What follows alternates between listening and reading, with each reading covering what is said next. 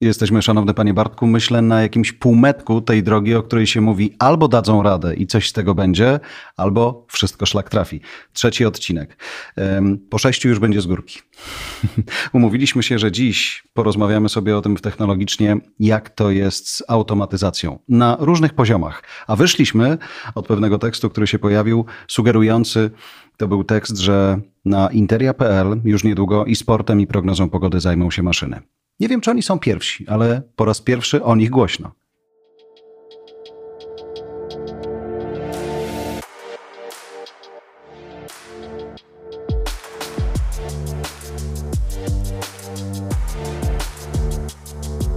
Technologicznie to miejsce, gdzie biznes spotyka się z technologią, a komunikacja z emocją. Bardzo dziękujemy, że jesteś tu z nami. Nazywam się Jarosław Kuźniar i prowadzę podcast technologicznie z Bartkiem Puckiem. Do trzeciego odcinka zainspirowała nas wiadomość o zastąpieniu sztuczną inteligencją dziennikarzy, którzy piszą o sporcie i pogodzie w jednym z dużych polskich portali informacyjnych. Automatyzacja. Gdzie, kiedy i jak. W Polsce prawdopodobnie jedni z pierwszych ale to jest tak jak z tą historią e, o zrobotyzowanych i e, zautomatyzowanych fabrykach, że tak naprawdę będą, e, teoria mówi, że będą potrzebni oprócz fabryki, oprócz maszyn, oprócz automatyzacji, będzie potrzebny tylko człowiek i pies. Pies, aby nikt nieuprawniony nie wchodził na teren fabryki, czy tam, gdzie są te roboty, a człowiek tak naprawdę służy do tego, żeby przynosić psu jedzenie. Więc zobaczymy, jak ta historia z automatyzacją i robotyzacją się skończy. Jest wokół niej wiele niedomówień, e, wiele niezrozumienia, ale też wiele optymizmu, ale z drugiej strony też wiele obaw, w szczególności jeżeli są związane z przyszłością pracy i tym, czym ludzie się będą zajmować. Tak, bo zwykle myśli się o tym, że jak przyjdzie robot, no to ja nie będę musiał nic robić. Ale z kolei ten rynek pracy nie jest taki zero-jedynkowy, więc to, że przyjdzie robot wcale nie oznacza, że ty stracisz pracę. Może będziesz miał inną pracę. A może, jak w, tej, y, w, tej, w tym przemyśle 3 czy 4.0, może będziesz musiał współpracować z tym robotem. To prawda i Myślę, że mamy kilkaset, jeśli nie kilka tysięcy lat doświadczenia w tworzeniu rzeczy i w obserwowaniu procesów automatyzacji. Bo tak naprawdę, e, czy patrzymy na to z perspektywy akweduktów, czy patrzymy na to z perspektywy rewolucji przemysłowej, czy dzisiaj internetu i takiej robotyzacji na e, masową skalę, to te procesy e, już były, one się powtarzają, więc z jednej strony istnieje ta obawa o utratę pracy w związku z e, automatyzacją, robotyzacją, e, rozwojem sztucznej inteligencji, ale z drugiej strony e, zawsze w historii, czy też do tej pory w historii, te procesy miały dwa rodzaje konsekwencji. Po pierwsze, część rodzajów prac była zastępowana przez, e, e, przez automaty, czy też przez roboty, czy przez maszyny produkcyjne, czy e, przez różnego rodzaju algorytmy, ale z drugiej strony pozwalała na wytworzenie nowych rodzajów zawodów, nowych rodzajów zadań, ale też w mojej opinii ta automatyzacja czy sztuczna inteligencja też pozwala ludziom na skupienie się nie na rzeczach powtarzalnych i rzeczach mechanicznych, tylko raczej na wyzwalaniu tej części kreatywnej. To też jest jedna z teorii związanych z rozwojem sztucznej inteligencji, jest, mm, e, mówi o tym, że będziemy mogli dzięki postępowi technologicznemu, dzięki postępowi w zakresie rozwoju sztucznej inteligencji spędzać więcej czasu na rzeczach e, kreatywnych. Nie wiem, czy to mit, ale rzeczywiście, e, kiedy zaczyna się jakaś dyskusja o sztucznej inteligencji, e, bardzo błyskawicznie pojawia się argument, ale spokojnie to będzie dotyczyło tylko tych bardzo powtarzalnych rzeczy. Ale z drugiej strony, tu w przypadku Interi mamy mm, wręcz wypowiedź szefa projektu Automated Journalism.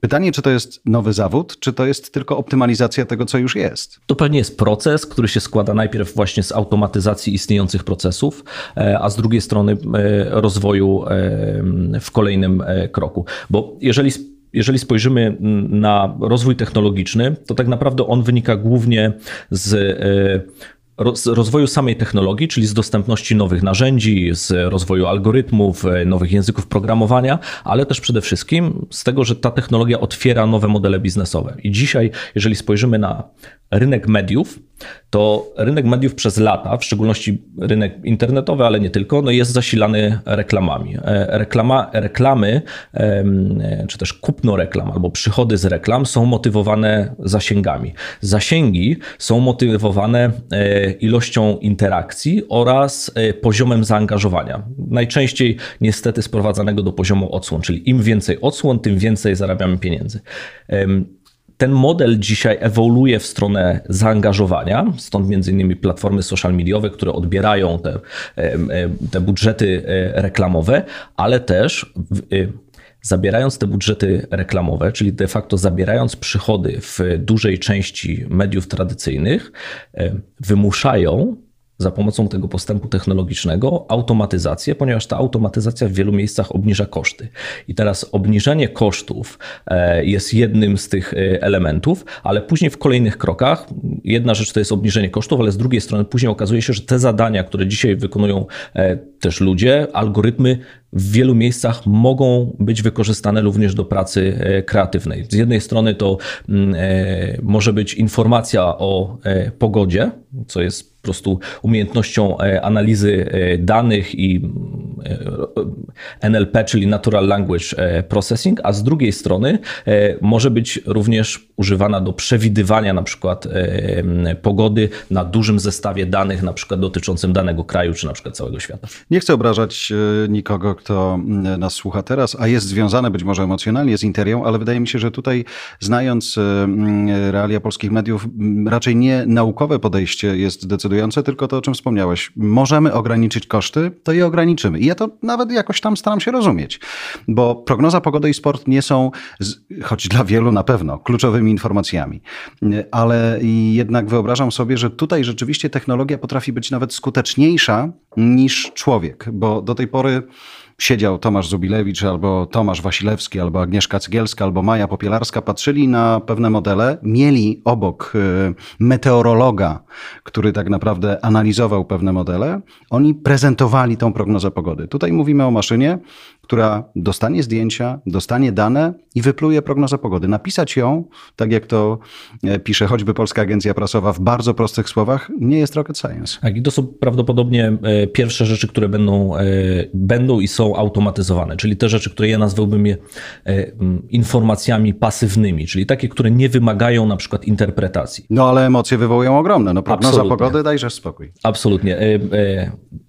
Inny aspekt będzie pewnie w segmencie sportowym, ponieważ w segmencie sportowym oprócz informacji pasywnych, czyli ktoś strzelił mhm. gola, jest również informacja emocjonalna, czyli w jakiej sytuacji, jakiego rodzaju to e, emocje wywołało, jak zareagowała publiczność. No i tutaj na dzisiejszym etapie algorytmy e, jeszcze nie są dobre w rozpoznawaniu emocji, aczkolwiek jeżeli mówimy o czymś, co nazywa się ładnie GPT-3, a jeszcze ładnie generatywny transformator przedtreningowy, który polega właśnie na, e, czyli to jest rodzaj modelu językowego, który pozwala generować e, wiedzę o świecie poprzez uczenie się na różnych rodzajach danych, gdzie możemy nakarmić ten algorytm informacjami, ale on zacznie interpretować te informacje i na ich podstawie tworzyć kolejne.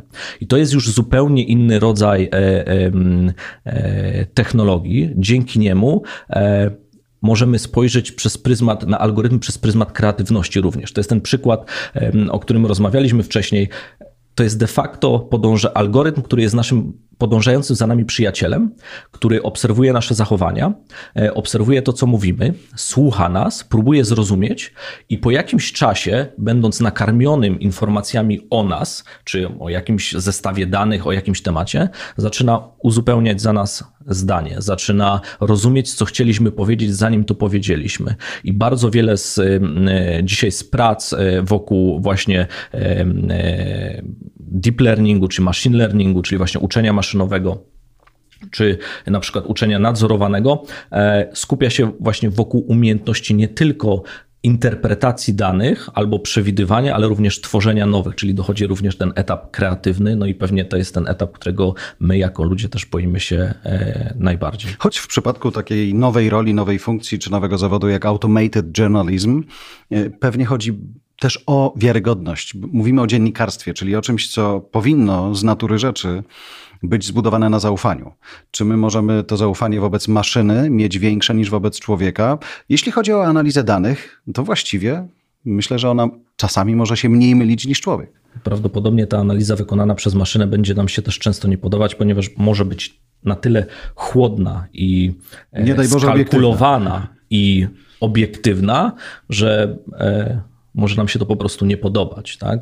W szczególności teraz, kiedy jesteśmy jako, jako społeczeństwa, e, społeczeństwo mocno spolaryzowani tak? i bardzo lubimy być bardzo zero-jedynkowi, to algorytmy zawsze będą kwestionowane z punktu widzenia tego, czy nie, nie mają, czy te modele nie mają odchylenia na przykład w jedną stronę albo w drugą stronę. I... No bo zakładam, że wynik takiego modelowania przez maszynę yy z kontekstem i bez kontekstu może być zupełnie inny. I ten kontekst jest ważny, ponieważ oczywiście, jeżeli spojrzymy na to e, z punktu widzenia zestawu danych, i ten zestaw danych, e, którym będziemy karmić ten algorytm, będzie bardzo jednostronny, na przykład politycznie albo sportowo. Weźmy przykład mhm. sport, e, sportu. Będzie tylko i wyłącznie z pryzmat, karmiony przez pryzmat Legii Warszawa.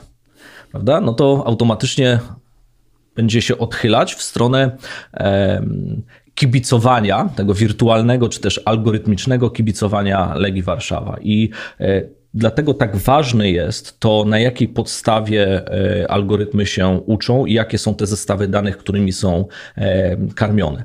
I oczywiście jest wiele przykładów na świecie, kiedy różne firmy próbowały uruchamiać swoje boty, swoich asystentów i wkładać nienadzorowane zestawy danych do środka i po kilku dniach, godzinach czy, e, czy tygodniach okazywało się, że te boty czy ci asystenci nagle byli e, nietolerancyjni e, albo głosili poglądy, które nie są powszechnie przyjmowane jako kulturalne.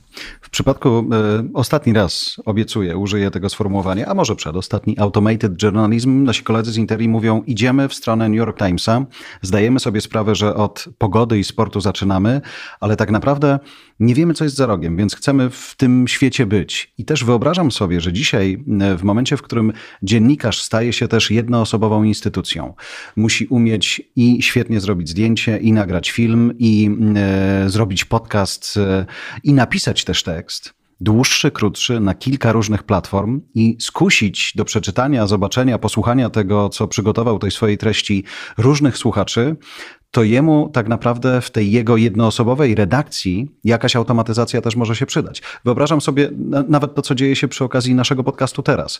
Melania, którą serdecznie pozdrawiamy, zbiera z maszyny zapis naszej rozmowy, wkłada go na stronę, tak żeby nasi słuchacze mogli to też przeczytać.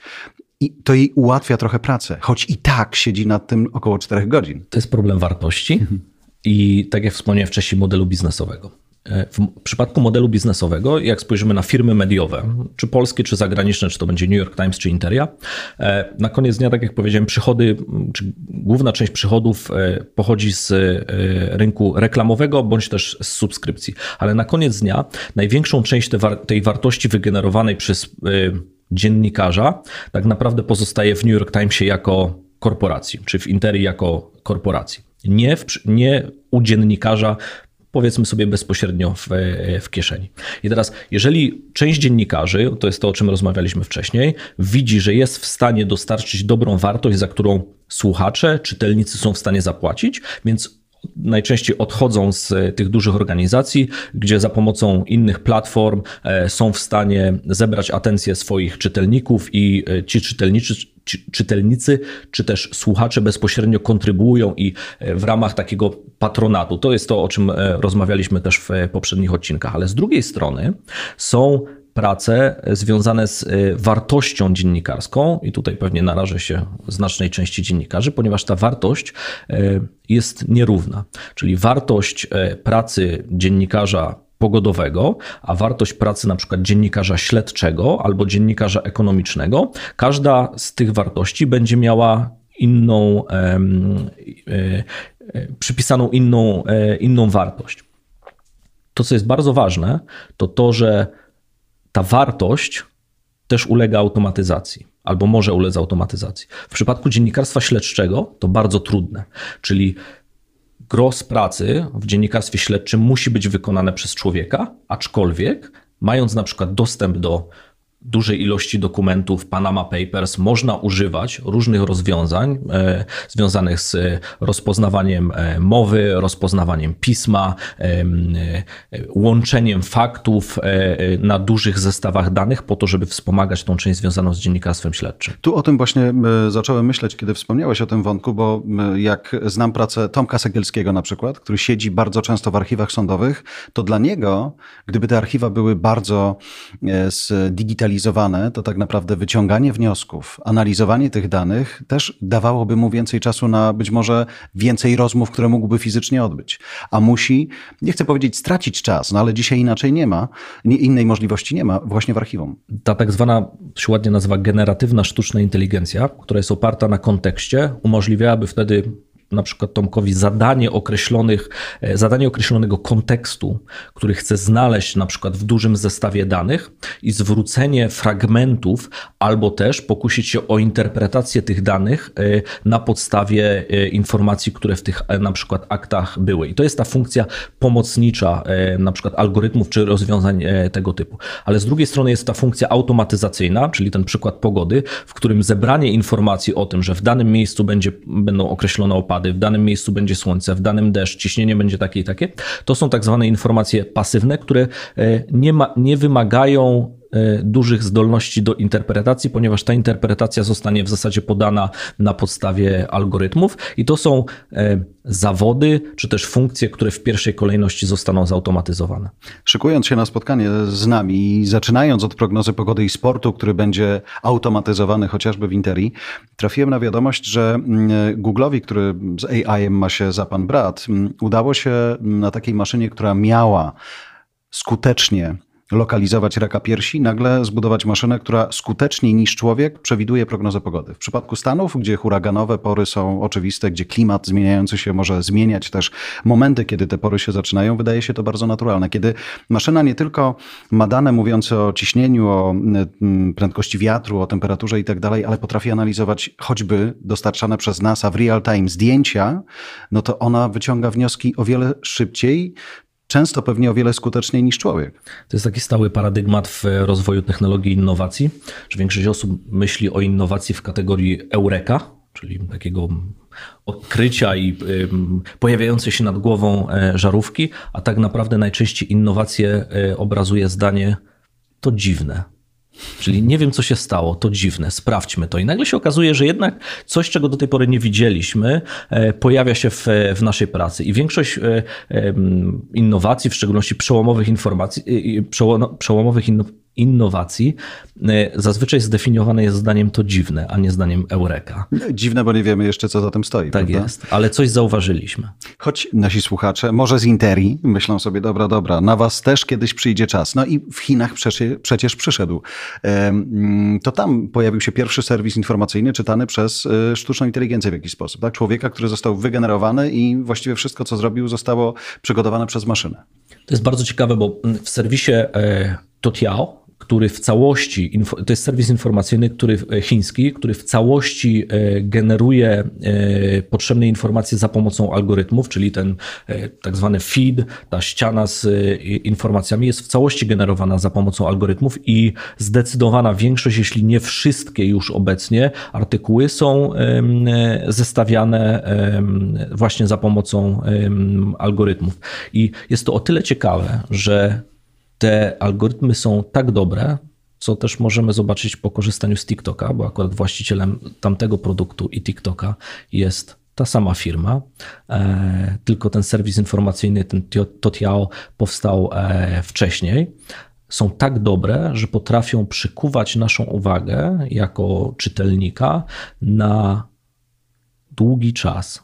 A wracając do myśli o modelu e, biznesowym, przykuwanie czytelnika na dłuższy czas przed ekran telefonu, na koniec dnia w całym tym procesie oznacza zarabianie więcej pieniędzy. Time spent. Ile czasu spędziłeś na danej treści? No to ona kosztuje więcej, ale myślę, że niewielu jeszcze w Polsce przyznaje się głośno do tego, że wykorzystuje w swoich technologiach, które wydają się technologiami XX wieku, czy początków XXI, a nie, a nie, a nie dalszymi, te technologie, o których my tutaj teraz rozmawiamy, że wiele y, stron, które widzimy w sieci, są karmione y, informacjami przez sztuczną inteligencję. To pozwala personalizować ten kontent, który widzimy. To pozwala to, o czym wspomniał Bartek, nie tylko na TikToku, ale także na tych treściach, które są nam doskonale znane, ale nie wiemy, że one są generowane przez sztuczną inteligencję, spędzać więcej czasu, bo one podrzucają nam treści, które my sami chcielibyśmy zobaczyć. A jeżeli widzimy, że zrobił to komputer, bo nas lepiej zna niż wydawca człowiek, który by nas lepiej znał, no to nagle myślimy sobie, to jest mój brat, to ja z nimi zostanę dłużej. I teraz spójrz na konsekwencje różnych stron. W przypadku e, firm mediowych konsekwencją jest to, że potrafią zaangażować użytkownika e, na dłużej, na koniec dnia, tak jak wspomniałem, zarabiają więcej, więcej, pieniędzy. Mhm. Z drugiej strony, jak patrzysz na to z perspektywy osoby konsumującej informacje, oznacza, że spędzasz więcej czasu konsumując je i bardzo często też robisz to nieświadomie i tutaj pojawia się aspekt nie tylko na przykład prywatności i ochrony danych, czyli jakiego rodzaju informacjami chcę nakarmić ten algorytm, żeby mnie lepiej zrozumiał, bo być może są pewne rzeczy, których nie chcę, ale z drugiej strony pojawia się też temat, który moim zdaniem w najbliższych latach będzie bardzo istotny, to jest tak zwanej diety kontentowej. Czyli mamy tą dietę dla swojego organizmu, mhm. jest, szczególnie jest początek roku, ćwiczymy najróżniejsze rzeczy, żeby poprawić swój wygląd zewnętrzny, ale pytanie jest takie, w jaki sposób poprawiamy też tą dietę kontentową. I tu o tym myślę, w, słuchając Ciebie i czytając te różne rzeczy o automatyzacji, że jeżeli ja świadomie lub nieświadomie więcej czasu spędzam z jakąś treścią, bo nagle widzę, że ona jest po prostu bardziej tailored made by me niż była, to jednak to ja nauczyłem tego, tego robota, żeby on mi podrzucał to, co ja chcę zobaczyć. A ja do tej pory od mediów też oczekiwałem tego, żeby one mnie do czegoś inspirowały, czyli żeby one wychodziły poza moją głowę i dawały mi coś, czego ja do tej pory być może nie poznałem. W przypadku algorytmów i sztucznej inteligencji może być tak, że jednak jesteśmy cały czas we własnym sosie. Nie poznajemy niczego nowego, bo maszyna nie jest inteligentniejsza od nas samych. To jest też kwestia dos łatwości dostępu do informacji. Czyli 15-20 lat temu, w szczególności powiedzmy 20 lat temu, Twój dostęp do informacji był e, ograniczony. Czyli, żeby zrozumieć na przykład sytuację e, polityczną w Stanach Zjednoczonych, prawdopodobnie czytałeś polskich dziennikarzy, korespondentów w Stanach Zjednoczonych. Prawda? To, był, to było Twoje źródło e, wiedzy na ten temat. Dzisiaj absolutnie, być może w kontekście polskim, ale w rozumieniu zrozumienia sytuacji e, geopolitycznej w Stanach Zjednoczonych, Twoim źródłem będą najlepsi geopolitycy, którzy stacjonują w Stanach Zjednoczonych, do których dotrzesz za pomocą na przykład Twittera czy innych kanałów, e, a niekoniecznie będziesz oczekiwał tłumaczenia tej sytuacji przez na przykład e, polskich dziennikarzy. I ta formuła się zmienia, łatwość dostępu do informacji, łatwość dostępu do źródła.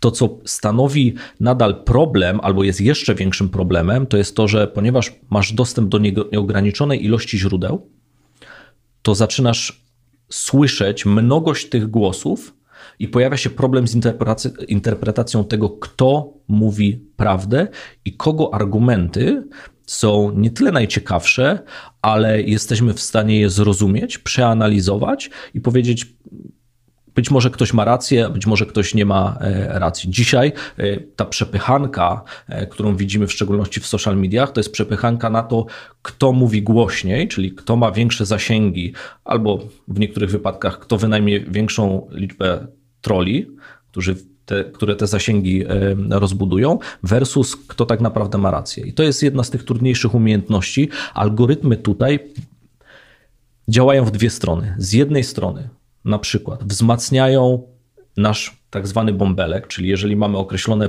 poglądy sportowe, polityczne, czy w określonych dziedzinach, to w większości algorytmy będą wzmacniać nasz pogląd, czyli ograniczać nas do tego e, bąbelka. Z drugiej strony, im bardziej jesteśmy ciekawi świata, im bardziej mamy dostęp i możliwość dotarcia do osób, którzy są ciekawymi, e, ciekawymi postaciami, e, ekspertami w danych dziedzinach, możemy potrafić wychodzić z tego bąbelka, ale tak naprawdę gros tej pracy to nie tylko algorytmy, które będą wzmacniały albo jedno, albo drugie zachowanie, ale też nasza praca nad świadomością, czy my w tym bąbelku tak naprawdę funkcjonujemy, czy też nie, albo czy poszukujemy ciekawych informacji i źródeł. Ale tutaj też trzeba jeszcze, e, moim zdaniem, dokonać pewnego rozróżnienia pomiędzy informacją a wiedzą. Tak? Większość z rzeczy, które konsumujemy dzisiaj i które starają się algorytmy promować, w szczególności jeżeli mówimy o mediach, to są informacje. I te informacje mają określoną datę ważności, prawdopodobnie po kilku albo kilkunastu, kilkudziesięciu godzinach przestaną być ważne. Natomiast to, co jest naj, największą sztuką i e, na, na co ja szczególnie zwracam uwagę w swojej pracy z tymi algorytmami, to jest to, żeby jednak e, to, co pojawia się dla mnie, to była jednak wiedza, a nie informacja. Czyli książka, a nie artykuł. Prawda? Wydaje mi się, że, że to jest też ten moment. Ja go sobie przynajmniej tak w głowie kreuję na początku 2021 roku, samemu sobie życząc, czasu na książki większego niż czasu na, na artykuły. Czyli y, mam czas na kilkaset stron, najlepiej w ogóle w papierze, a niż na kilka minut przeczytania tekstu. Nawet to, co pojawia się przy każdym dzisiaj, przy każdej platformie social mediowej, prawie każdej. Od razu wiesz, ile czasu spędzisz na tej treści. Co mnie to obchodzi? Jeżeli ona jest ciekawa, to ja posiedzę cały dzień, a nie, że y, LinkedIn, Onet mi mówią, dwie minuty jesteś wolny. Co ja będę wiedział po tych dwóch minutach? To, co jest trudnością, jasno tą są, y, której nie trzeba przekonywać do czytania książek. Zdecydowanie nie i jestem wielkim fanem czytania książek. Jedno z wyzwań w przypadku czytania książek, które ja dzisiaj widzę, to to, jak w tym funkcjonuje takie, takie powiedzenie, że e, prawie każda książka mogłaby być wpisem na blogu, prawie każdy wpis na blogu mógłby być tweetem, prawie każdy tweet mógłby nie istnieć. I myślę, że to, co jest tą trudnością e, w przypadku zarówno czytania książek, jak i czytania artykułów, to jest naprawdę umiejętność zrozumienia, jaką wartość przed przeczytaniem, albo jakie jest nasze oczekiwanie w stosunku do danej książki. Oczywiście zupełnie inaczej, jeżeli mówimy o e, beletrystyce, natomiast e, zawsze istnieje jakieś nasze oczekiwanie w stosunku do czynności, którą chcemy wykonać. I umiejętność zrozumienia tego, jakiego rodzaju, jakiego rodzaju oczekiwanie mamy, jest dużo ważniejsze. Z podcastem technologicznie jest trochę łatwiej, bo nigdy nie wiecie, ile on potrwa. Zakładamy, że godzinę, ale dzisiaj czuję, że będzie, będzie dłużej. Szanowny panie Bartku, ile razy udało ci się powiedzieć brzydkie słowo pod adresem e, Bota Maxa? To mogło być oczywiście powiedzenie tylko Max, przestań, daj mi człowieka, ale jednak. Myślę, że e, ja się na wielu nagraniach, e, ponieważ te rozmowy oczywiście są nagrywane. Gdyby ktoś przesłuchał moje, to można by było e, słyszeć ciekawe, e, ciekawe dialogi. Ja patrzę na pryzmat botów, czyli tych procesów związanych z automatyzacją obsługi klienta z dwóch stron. Pierwsze, Patrzę oczywiście jako klient, jako osoba, która z nich korzysta. Z drugiej strony patrzę również jako osoba, która ma doświadczenie we wdrażaniu tego typu rozwiązań na, na nie najmniejszą międzynarodową skalę, no. skalę. I wiem z dwóch stron, jak trudne to jest e, wyzwanie, ponieważ z punktu technologicznego, e, z technologicznego punktu widzenia jest to ogromne wyzwanie. Coś, co się ładnie nazywa NLP, czyli e, NLP, Natural Language Processing jest ogromnym wyzwaniem technologicznym. Umiejętność zrozumienia języka, kontekstu i emocji, które są w języku, jest bardzo trudna z technicznego e, punktu widzenia. Ale dlatego, że mm, każdy klient, który zadzwoni, może pójść w zupełnie inną stronę, tak? Może mieć zupełnie różne potrzeby. Więc jak masz miliony klientów, to, to możesz mieć miliony problemów. Miliony rozmów ten maks musi odbyć. Mnogość ścieżek i scenariuszy w przypadku oczekiwań klientów to jest jedno z wyzwań. Zdecydowanie tak. Aczkolwiek e, bardzo często te ścieżki da się zaprojektować i większość tych botów właśnie e, funkcjonuje e, na podstawie scenariuszy. Czyli jeśli klient napisze słowo X i słowo X oznacza kontekst Y, to wtedy wyświetla mamy odpowiedź e, Z. Natomiast to, co jest bardzo trudne do zrozumienia, to jest e, kontekst, w jakim dana osoba pyta o problem, jaki chce rozwiązać. I zobacz, mała dygresja. Wracamy do kontekstu, czyli do tego, o czym rozmawialiśmy przy okazji dziennikarskich e, podbojów i automatyzacji. Tam tutaj też rzeczywiście emocja i kontekst, które mogą być nierozpoznawalne, mogą prowadzić do irytacji w jakichś badaniach dotyczących e, wsparcia klienta i używania właśnie botów i chatbotów w Stanach Zjednoczonych widziałem, że jedną z najpopularniejszych fraz używanych w rozmowach telefonicznych to proszę połączyć mnie z człowiekiem. No, dołożyłem się do tego. Ja już mówię, Max, daj spokój, chcę człowieka. A, tak, zdarza się, bo rzeczywiście to są takie momenty, w których i nawet ja rozumiem, dlaczego firmy, firmy to robią, że kiedy jest ikonka kontakt, to już też ogranicza się nam te ścieżki, żebyśmy nie rozpisywali tego w ten sposób. Jest 10 tematów, które mu, musisz tu się zmieścić, a jak się nie mieścisz, to to jest twój problem. I czasem znalezienie nawet kontaktu, numeru telefonu czy maila, który jest jakąś większą gwarancją, że przeczyta go człowiek, jest trudne. Tak. I wielokrotnie, e, zresztą można obejrzeć w internecie, e, w szczególności w social mediach, nie tylko nasze narzekanie jako klientów na tego typu rozwiązania, e, ale również praca nad tymi rozwiązaniami, ona umożliwia tak naprawdę dwa rodzaje, są dwa rodzaje konsekwencji tej pracy.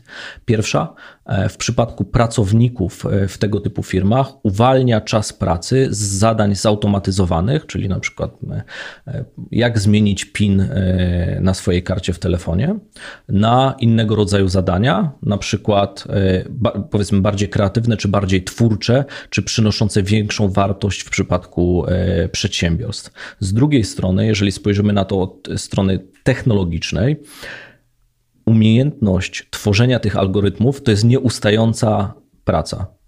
Chciałbym nawet użyć e, e, walka, bo tak naprawdę to jest umiejętność interpretacji, e, praca nad umiejętnością interpretacji przez te algorytmy intencji człowieka. I ponieważ między algorytmem a intencjami człowieka jest pewna ścieżka do pokonania, to z punktu widzenia właśnie rozwoju technologii, to to jest ten punkt, który rodzi największe frustracje dla, dla klientów. Wtedy łączysz się na tą przysłowiową infolinię, dostajesz e, ten, wpadasz w ten zautomatyzowany proces i on nie jest doskonały. I oczywiście razem z rozwojem postępu technologicznego on będzie coraz, e, coraz lepszy, coraz bardziej satysfakcjonujący. To jest taki etap przejściowy. I teraz jako klient masz prawo być sfrustrowany. Jak patrzysz na to z perspektywy rozwoju technologii i pracujesz z tą technologią, to widzisz, co było 5 lat temu, widzisz, co jest dzisiaj, ale dzisiaj już pracujesz nad rzeczami, które będą za 2-3 lata i jesteś pełen optymizmu. Tak? Mimo tego, że jako klient możesz być sfrustrowany. Tak, wkurzając się na Maxa, y, bo on akurat jest z firmy technologicznej, tej na O, e, ale jednocześnie przypominała mi się dyskusja z mm, partnerami y, z firmy ubezpieczeniowej, którzy dwa lata minimum dwa lata pracowali nad tym, żeby w ogóle wprowadzić jakąkolwiek automatyzację, jakiegokolwiek bota do obsługi klientów, którzy dzwonią w sprawie ubezpieczenia.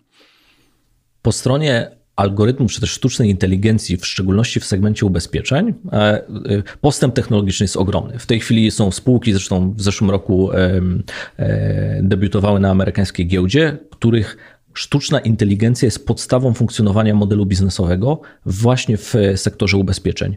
To są nie tylko umiejętności kalkulowania ryzyka za pomocą y, algorytmów, czyli jakie jest prawdopodobieństwo w okresie, jaki jest koszt versus prawdopodobieństwo na przykład wypadku w ubezpieczeniach y, samochodu, ale również umiejętność zaprogramowania algorytmów w taki sposób, żeby potrafiły szacować to ryzyko względem ceny, jaką ja jako konsument będę później płacił za daną usługę. Zresztą widać to nie tylko w Stanach Zjednoczonych czy Chinach, ale w szczególności w Chinach jest to posunięte do e, pewnego rodzaju ekstremum, gdzie Wiemy, że te algorytmy są w stanie na przykład udzielać na podstawie naszej historii e, e, przeglądania e, internetu, korzystania z metra, sposobu jeżdżenia samochodem, jakiego rodzaju cenę powinniśmy na przykład płacić za ubezpieczenie tego samochodu, albo za ubezpieczenie domu, albo za ubezpieczenie na życie, albo za ubezpieczenie od zdrowia. Akurat w tym segmencie ubezpieczeniowym postęp w zakresie używania algorytmów czy też sztucznej inteligencji jest ogromny. I mamy, szanowni słuchacze, ale myślę, że wy szybciej niż ja doszliście do tego zdecydowanie, jak was trochę już znamy. E, mamy wspólny kontekst. Wszędzie jest jakaś optymalizacja, czyli jakieś szukanie oszczędności, bo e, poznałem kiedyś, ze 3-4 lata temu to było, jeszcze pracowałem na Stadionie Narodowym w Warszawie w sferze Business Link, startup, który e, wymyślił chipa, którego montowano do samochodów służbowych po to, żeby sczytywał e, sposób twojego zachowania za kierownicą i na tej podstawie w real time miałeś wyceniane ubezpieczenie. Twoje było zupełnie inne niż moje, bo historia twojego zachowania za kierownicą była zupełnie inna. I w służbówkach to się musiało sprawdzać, bo firma wiedziała, że jeżeli jeździsz odpowiedzialnie, tam gdzie jest 50, masz 50, płacisz mniej. I dzisiaj tego typu rozwiązania w części krajów są powszechne nie tylko w biznesie, ale też właśnie w części e, konsumenckiej biznesu. E, są na przykład e, ubezpieczyciele w Stanach Zjednoczonych, którzy w ramach oferty ubezpieczenia otrzymujesz Apple Watch i na podstawie Twojego ruchu, trybu życia, na podstawie Twojej aktywności jest w stanie oszacować koszt Twojego ubezpieczenia, na przykład na życie i zdrowie. No to po to jest ten zegarek, już teraz wiem. Natomiast e, mówiliśmy o Maxie, mówiliśmy o mm, tym, że ta automatyzacja w biurach obsługi klienta siłą sytuacji będzie się pojawiała. E, my nagrywamy to nasze spotkanie w święto 6 stycznia. Ten podcast jest nagrywany, a tymczasem za 10 dni jest e, druga rocznica polskiego Google Asystenta szybko zleciało i e, organizowany jest specjalny festiwal, e, Voice Fest tak zwany, na którym dopieszczać się będzie e, wszystkich tych, którzy zainteresowani są wiedzą o tym, w którą stronę to się będzie rozwijało, właśnie tym doświadczeniem i tą wiedzą. To wciąż jest przyszłość w Polsce? Jeżeli myślimy o asystentach głosowych jako urządzeniu, które być może będzie dostępne w każdym domu, to w zasadzie, patrząc z polskiego punktu widzenia, głównym warunkiem jest dostępność właśnie do języka polskiego e, w ramach tych e, usług. Dzisiaj e, Siri, czyli mm. wersja Apple'owa asystenta, nie jest dostępna w języku polskim i jest to pewnego rodzaju ograniczenie. Jeżeli myślimy o innego rodzaju asystentach, albo takich, które nie obsługują języka polskiego, czy w ogóle spojrzymy na to z perspektywy globalnej, to brak języka polskiego e, w ramach tych asystentów i dostępności tego typu rozwiązań na rynku polskich tak naprawdę wyklucza nas z pewnego rodzaju usług, ale też w pewnym sensie wyklucza nas z postępu technologicznego, e, dlatego że ogranicza naszą swobodę do e, korzystania z najnowszych rozwiązań, które dzisiaj są połączone, czyli ten asystent głosowy, który funkcjonuje w telefonie albo w osobnym urządzeniu w naszym pokoju, w sypialni czy w kuchni, on tak naprawdę wyłącza nas z pewnej części ekosystemu. Z drugiej strony też trzeba pamiętać o bardzo ważnym aspekcie, czyli aspekcie prywatności tego typu e, rozwiązań, dlatego że są w zależności od producenta tych asystentów głosowych, są e, takiego rodzaju firmy, które w całości analizują wszystko to, co się dzieje w trakcie e, tego, kiedy to urządzenie jest włączone w, na przykład w naszym e, domu, czy funkcjonuje na, e, na naszym te, e, telefonie, ale z drugiej strony są takie, które wykorzystują tego typu informacje bezpośrednio na urządzeniu, niektóre wysyłają do tak zwanej chmury w celu analizy i to ma też za sobą konsekwencje związane z, z prywatnością. I też jak patrzymy na to z perspektywy naszego domostwa, czyli funkcjonujemy w, w ramach rodziny, funkcjonujemy w naszym domu, czy funkcjonujemy w naszym mieszkaniu, jeżeli zadałbyś pytanie, czy chcesz, żeby ktoś słuchał wszystkiego, co się dzieje w Twoim domu przez 24 godziny na dobę, prawdopodobnie większość osób odpowie nie. Ale z drugiej strony, jeśli nie zadasz tego pytania, ale powiesz, oto jest fajne urządzenie, dzięki któremu będziesz mógł, mogła wykonywać określone czynności w sposób zautomatyzowany w swoim domu, a być może konsekwencją tego jest, że to będzie nagrywane, to już yy, yy, zwiększasz potencjał na, na dostępność tego urządzenia. Wyobrażam sobie naszych słuchaczy, którzy myślą sobie, kurczę, no jaką oszczędnością czasu jest powiedzieć, Alexa, puść mi technologicznie podcast od Pucka i Kuźniara bo zajęło mi to ile? 4 sekundy. A gdybym ja wziął telefon, zaczął szukać e, aplikacji, w której chciałbym tego posłuchać, spokojnie tracę z pół minuty, jak nie więcej, więc oszczędność czasu jest. Większość funkcji asystentów głosowych to są właśnie funkcje automatyzujące bądź skracające istniejące procesy. Jaka dzisiaj będzie pogoda? E, puść mi e, podcast technologicznie. Kiedy będzie mecz? Tego typu zapytania, które dzisiaj tak naprawdę sprawiają, że musimy wykonać 5, 6, 7 czynności, e, są zautomatyzowane w zasadzie do jednej, która po jej wykonaniu automatycznie podaje nam e, odpowiedź. I wracając do tego przykładu związanego z pogodą, czy z, właśnie z dziennikarstwem w, w pogodzie, to tego typu zachowania, tego typu procesy są automatyzowane najpierw, natomiast ci te mm, e, urządzenia, czy to zewnętrzne w rozumieniu asystentów głosowych, czy te, które są umieszczone w naszych telefonach, po prostu pozwalają nam na e, szybszy, łatwiejszy dostęp do informacji, które potrzebujemy. Kiedy szykowaliśmy się na trzecią edycję podcastu technologicznie i uznaliśmy, że będzie on dotyczył automatyzacji, y, każdy z nas, jak zwykle, przygotowuje sobie swoje notatki.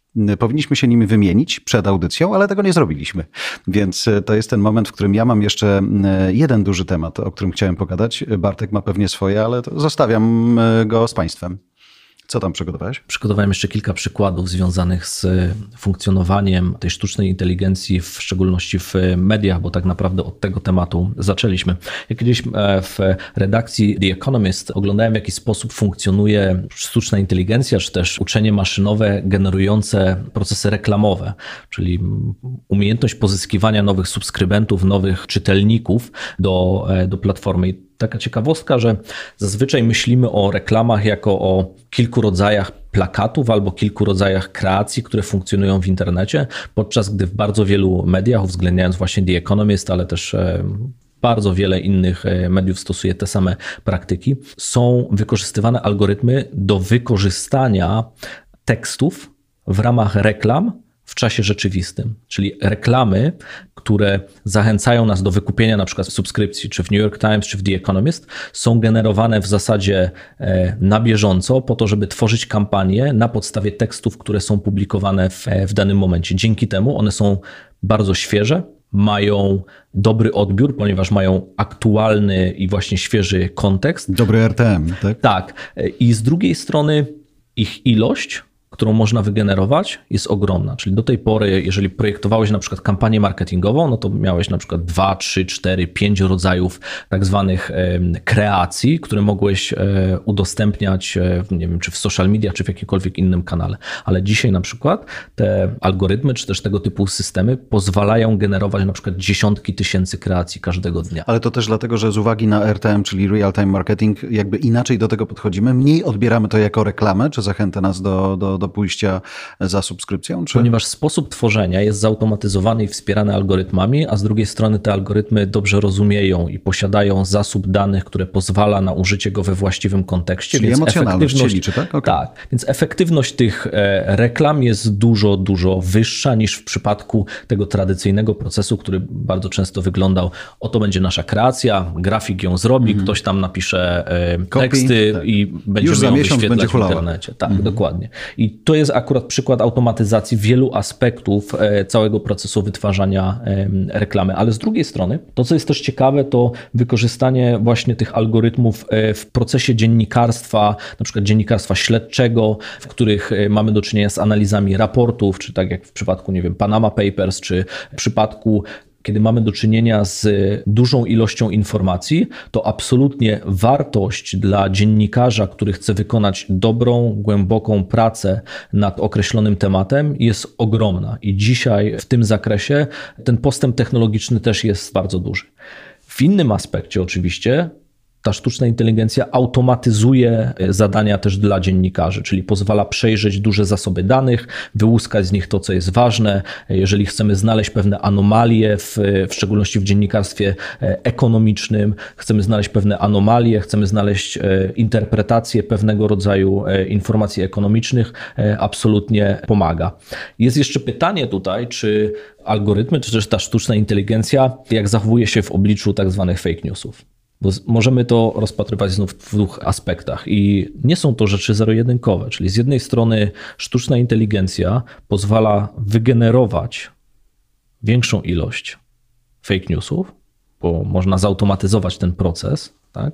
I rozmawialiśmy też o kwestii tworzenia deepfake'ów między innymi, ale z drugiej strony e, algorytmy też można wykorzystać do wykrywania rzeczy, które są fake newsami. Tylko to trochę jak walka między policjantami, z, którzy pilnują gangsterzy, którzy handlują narkotykami i tymi, którzy szmuglują narkotyki. Kto będzie przed kim? Zwykle to jest o pół kroku tylko. Tak, dokładnie tak. I absolutnie w przypadku fake newsów sytuacja wygląda e, bardzo podobnie. Zresztą to jest w ogóle wszystko, co jest związane z tak zwanym e, cyberbezpieczeństwem, e, tak to nazwijmy, to jest zazwyczaj ktoś, kto jest tym złym, jest pół kroku przed tym kimś, kto jest e, tym dobrym. A propos deepfake, muszę sobie zaznaczyć, żeby przy okazji naszej audycji, kiedy będziecie jej słuchać albo czytać ją sobie na stronie Voice House, zostawić w notatkach link także do cudownego klipu, który został przygotowany przez jedną z brytyjskich telewizji. Nie pamiętam, e, chyba to był Channel 4, ale oni co roku mają jakieś takie przesłanie od redakcji na święta i pokazali, w jaki sposób można zdeepfakeować wystąpienie brytyjskiej królowej.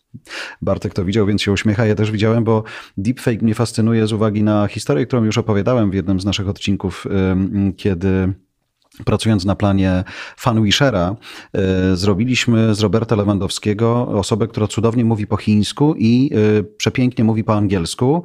E, to było specjalnie za zgodą Roberta przygotowane po to, żeby pokazać jego kolegom piłkarzom, że technologia pozwala w jakimś sensie dopieścić fanów, którzy są bardzo, bardzo daleko. I teraz myślę sobie o tym naszym temacie audycji, czyli mm, automatyzacji, że ona w świecie personalizacji z kolei musi się pojawić, bo jeżeli my chcemy, żeby ileś milionów ludzi, czy w skali świata miliardów ludzi czuło się zaopiekowanych indywidualnie, to my nie jesteśmy w stanie tego zrobić. Za chwilę mamy kolejny finał Wielkiej Orkiestry Świątecznej Pomocy i po raz chyba czwarty Wykorzystamy technologię do tego, żeby Jerzy Owsiak powiedział e, dziękuję Bartek, dziękuję Jarek, dziękuję Krystyno, dziękuję Andrzeju za to, że wpłaciłeś swoje i tu będzie widać i słychać kwotę, którą, którą wpłaciliście, bo ja za to mogę zrobić to i to i to i zależnie od tej kwoty Jerzy o tym będzie opowiadał. Wykorzystaliśmy technologię, nie jakoś specjalnie deepfake'ową, ale technologię, która pozwala spersonalizować podziękowania. I teraz y, pamiętam, że kiedy przyszliśmy te cztery lata temu do Wielkiej Orkiestry Świątecznej Pomocy powiedzieć, słuchajcie, to działa na bazach milionowych, a wy macie miliony chętnych, to spróbujmy,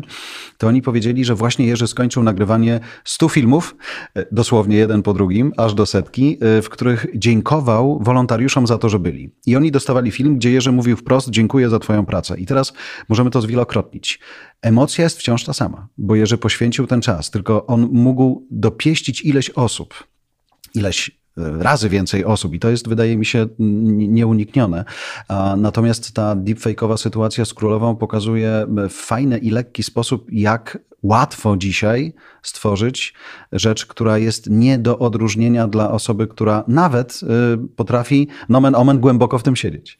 Ten przykład z Wielką Orkiestrą Świątecznej Pomocy jest y, o tyle ciekawy, że to, co nazywamy transformacją digitalową, czy też transformacją e, cyfrową, tak naprawdę w wielu organizacjach sprowadza się w kontekście zadania do umiejętności identyfikacji najbardziej frustrujących i powtarzalnych zadań wewnątrz organizacji i próba automatyzacji tych zadań za pomocą technologii. I innowacje bardzo często biorą się właśnie z tego miejsca, czyli z identyfikacji tego problemu, tej potrzeby i zastąpienia bardzo często tych ludzkich e, procesów e, technologią i e, właśnie procesami automatyzacji. Ważny jest też aspekt nie tylko bym powiedział, w kontekście przedsiębiorstw, ale też w kontekście pracy własnej. Jeżeli sobie e, zadamy pytanie i spojrzymy na nasz, nie wiem, tydzień czy dzień pracy i będziemy potrafili zidentyfikować powtarzalne rzeczy, które robimy w ciągu każdego dnia albo w ciągu tygodnia, jest duża szansa, że istnieją już rozwiązania, które pozwalają te procesy zautomatyzować i to jest taki element, który jest związany z własną, naszą prywatną produktywnością. To jest taka rzecz, na którą ja na przykład spędzam dużo czasu i próbuję zidentyfikować rzeczy, które ja robię powtarzalne, które mógłbym zautomatyzować, albo jak to się ładnie mówi, outsourcować e, w inne miejsce po to, żeby na przykład ktoś inny albo algorytm je wykonał. Jeżeli to są rzeczy e, powtarzalne, nudne, frustrujące, e, staram się w jakiś sposób pracować nad ich automatyzacją i to poprawia własną produktywność. To, co jest ciekawe, to wtedy te procesy automatyzacji uwalniają nasz czas. I oczywiście ten czas możemy wykorzystać na różne rzeczy, mm. bo możemy iść oglądać e, serial na Netflixie, możemy iść poczytać książkę, e, możemy go e, spędzić nad pracą również nad czymś interesującym. Ale ja kiedyś spotkałem się z takim powiedzeniem, że zła praca to komputer, który mówi, co mamy robić a dobra praca to mówienie komputerowi, co ma robić.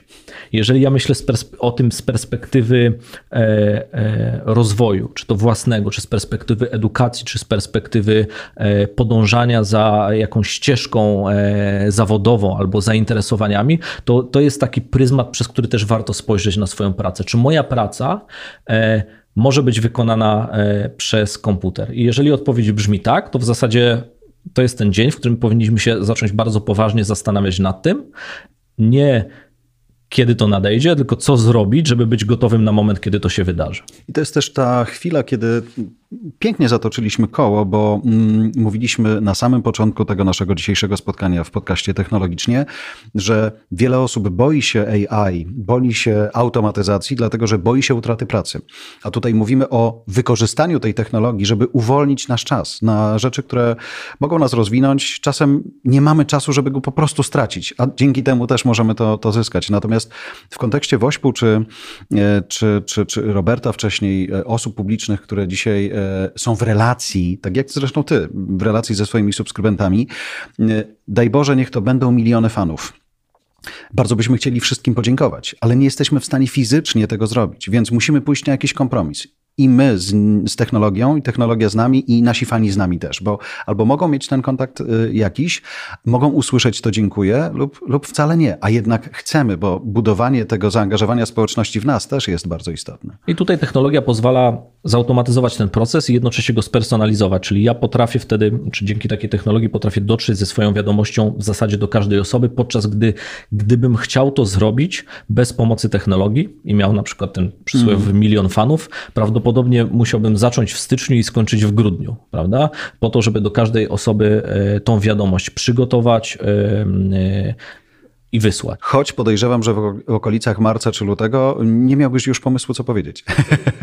ja wam, kiedy zaczynaliśmy z Funwisherem zabawę, to, to widziałem takie przykłady, kiedy ktoś nagrywał coś, żeby tam podziękować albo złożyć komuś życzenia, to, to zajmowało 10-12 sekund. I teraz y, wyobraź sobie, że mówisz komuś, zapłać mi za te, nie wiem, 10-12 sekund. Okej, okay, no to jest 10-12 sekund twojego bardzo cennego czasu, ale jednak wartość tego jest różna. E, więc to, to też jest kwestia właśnie kreacji i wymyślenia tego wszystkiego, plus y, powiedzenia tego, co jest w, w przypadku Wośpu bardzo, bardzo istotne, czyli dziękuję, plus właśnie taka nieograniczona możliwość personalizacji, kiedy ten e, młody człowiek biegający z puszką, czy ona jest bardziej czy mniej wirtualna i wypełniający ją pieniędzmi, e, może zobaczyć tą kwotę, może usłyszeć od Jerzego swoje imię, może, może zobaczyć tego swojego lidera, to to wydaje mi się też jest jakiś znak czasów. Nie tylko automatyzacja, ale bardzo szeroko pojęta personalizacja. Nie wiem, czy w ogóle nie powinniśmy się umówić na specjalny odcinek dotyczący tylko personalizacji, bo ona bardzo ładnie się łączy z AI-em w niesamowity sposób, a jednocześnie mm, wydaje mi się, że jest też jakoś pieśń, jakąś pieśnią przyszłości. Bardzo trudną pieśnią przyszłości. Bo jeżeli dzisiaj patrzymy z perspektywy mm, takiej czysto konsumenckiej, to ten przysłowiowy Facebook albo przysłowiowy polski portal e, zazwyczaj pokazuje nam e,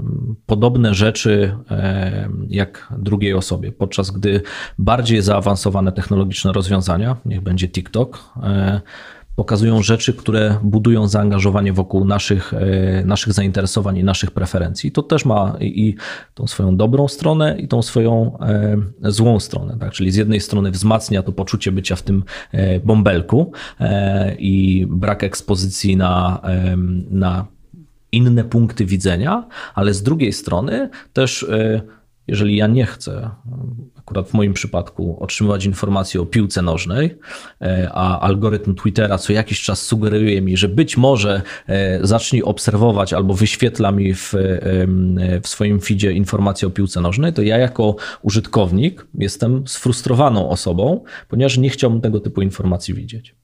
To prawda. Oni w ogóle ostatnio zaczęli pytać o to, całkiem wprost. Czy czasem wyświetla się jakiś tweet i ostatnio przez Zbigniewie Bońko to miałem. Czy to jest informacja, która cię interesuje? Myślę sobie, no ta nie. Ale jak ja teraz powiem nie, to ja już tego nie zobaczę. I dla mnie to było też pójście na kompromis z tym pytaniem. Ja dla odmiany na większość te, tego typu y, sugestii mówię nie, a mimo tego i tak je otrzymuję. E, I to jest Twitter i TikTok to są dwa dobre przykłady y, na dobre i złe rozwiązanie podobnego problemu w sensie jakościowym, dlatego że algorytmy Twittera, pomimo tego, że mogę 10 razy powiedzieć, że przestanie rekomendować mi e, wpisy o piłce nożnej, to jednak dalej je będę dostawał. A w przypadku TikToka, jak nie będę oglądał albo nie jestem zainteresowany wpisami o piłce nożnej, absolutnie nie będzie mi ich rekomendował. To jest też jakość tych algorytmów, która wynika tak naprawdę z e, trudności, ale też jakości pracy nad nimi w rozumieniu takim stricte e, e, technicznym, w rozumieniu e, deweloperskim i pracy programistów nad nimi jest ogromnym wyzwaniem. Tylko poczekaj, ci w TikToku i ci w Twitterze mają te same komputery. Ale nie te same umiejętności. A, okej. Okay. I dostęp do technologii. Czyli dzi dzisiaj to, co jest na pewno jednym z ciekawszych wyzwań, to różnica w jakości tworzenia algorytmów pomiędzy na przykład Stanami Zjednoczonymi a Chinami.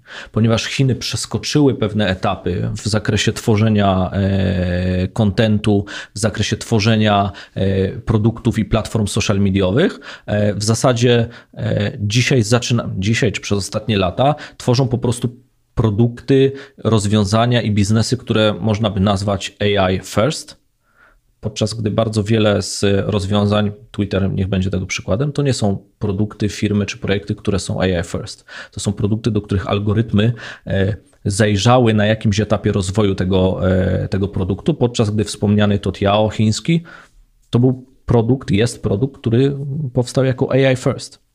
Szanowni słuchacze, trzeci odcinek podcastu Technologicznie prawie uważam za zakończony.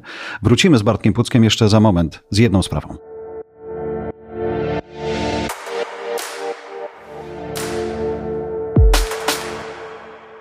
Sprawdzałeś ostatnie oceny i recenzje na Apple Podcast? Czy Nie. zasłużyliśmy Czy... na piątkę, szóstkę, czwórkę, trójkę? Zasłużyliśmy?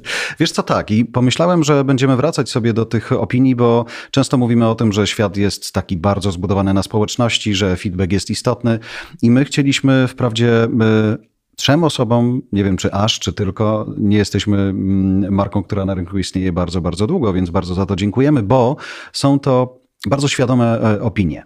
Arek AK pisze tak, luksus wartości. Daje nam pięć gwiazdek, więc dziękujemy bardzo. I mówi, zapowiada się obiecująco. Liczę, że wśród tandety będziecie wytworni. Trzymam kciuki. Ocena na potwierdzenie, że to ma sens, co robicie. Serdecznie pozdrawiam i daje nam czterolistną koniczynę. Co też jest ważne, panie Arku, to się tylko tak wydaje, że my wiemy, co chcemy i niezależnie od tego, co kto napisze, będziemy dalej robili swoje. To zawsze e, pomaga. Przynajmniej mnie, nie wiem jak to u Bartka.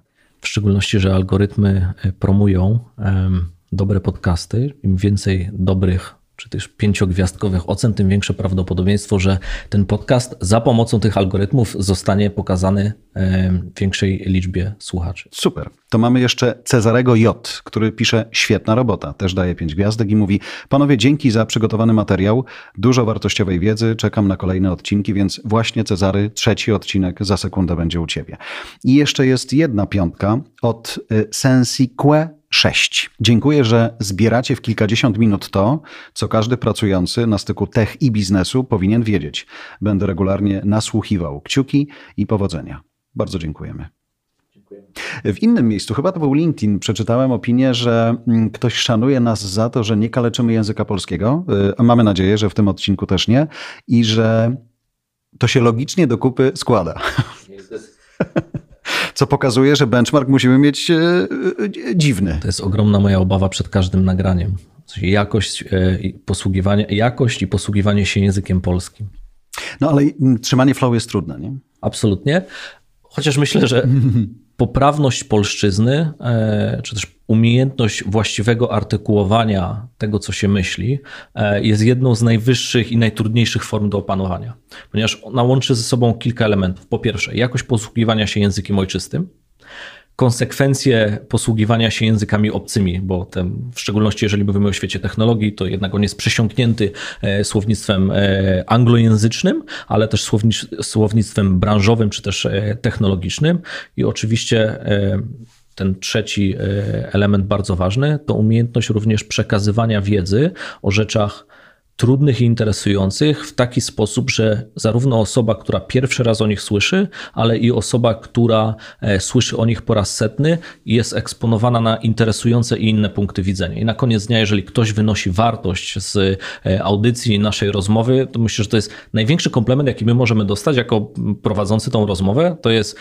posłuchałem, posłuchałem tej audycji, E, dzięki temu dowiedziałem się, e, dowiedziałam się czegoś e, nowego, innego. Zmieniłem, zmieniłam swój, swój punkt widzenia albo uzupełniłem, uzupełniłam swoją wiedzę w jakimś temacie. To jest chyba największy komplement, jaki możemy dostać. Patrzę z kolei sobie jeszcze na Ancora i wychodzi na to, że mm, e, częściej słuchają nas mężczyźni, 82%, 16% kobiet. Jeżeli chodzi o wiek, to najwięcej słuchaczy jest w grupie 28-34, ale niewiele mniej w grupie 35-44 i to też jest bardzo miłe. Nawet 60 plus się nam zdarza i 18-22 też. Przypomina mi się e, codzienne, poranne patrzenie w maila od mojego szefa z TVN24, gdzie mieliśmy e, wykresy, oczywiście byliśmy z tego rozliczani. Wykres był w kolorach trzech, czerwonym, żółtym i niebieskim. Niebieski dotyczył TVN24, czerwony TVNP Info, a żółty Polsatu News. E, I tam właśnie grupy docelowe, godziny emisji e, i teraz przychodziłeś, mówiłeś, wow, ale mieliśmy super wynik. A mój szef na to, ale w grupie all, a ci nas nie interesują. I myślisz sobie, przecież w grupie all część wspólna zbioru z tymi, którzy interesują reklamodawców jest całkiem niezła. Także bardzo Wam dziękujemy. My do tych danych pewnie też będziemy wracać, bo to, to jakby nie było też jest technologia i pogranicze biznesu i, i tejże technologii, więc za teraz dziękujemy. Trzeci odcinek właśnie wysłuchaliście. Mamy nadzieję do końca. No i wrócimy w każdej możliwej chwili. Dziękujemy bardzo. Dziękujemy za Twoją uwagę. Zasubskrybuj nasz podcast. Znajdziesz nas na każdej platformie podcastowej, w każdym kanale social mediowym. Czekamy na Twój feedback i ocenę naszej audycji. Daj znak, szczerze i na temat. Zapraszam także na stronę Voice House po więcej dobrej treści. Choćby po nasz pierwszy podcast zatytułowany Ekonomia Pasji i kolejny, gdzie podsumowujemy rok 2020.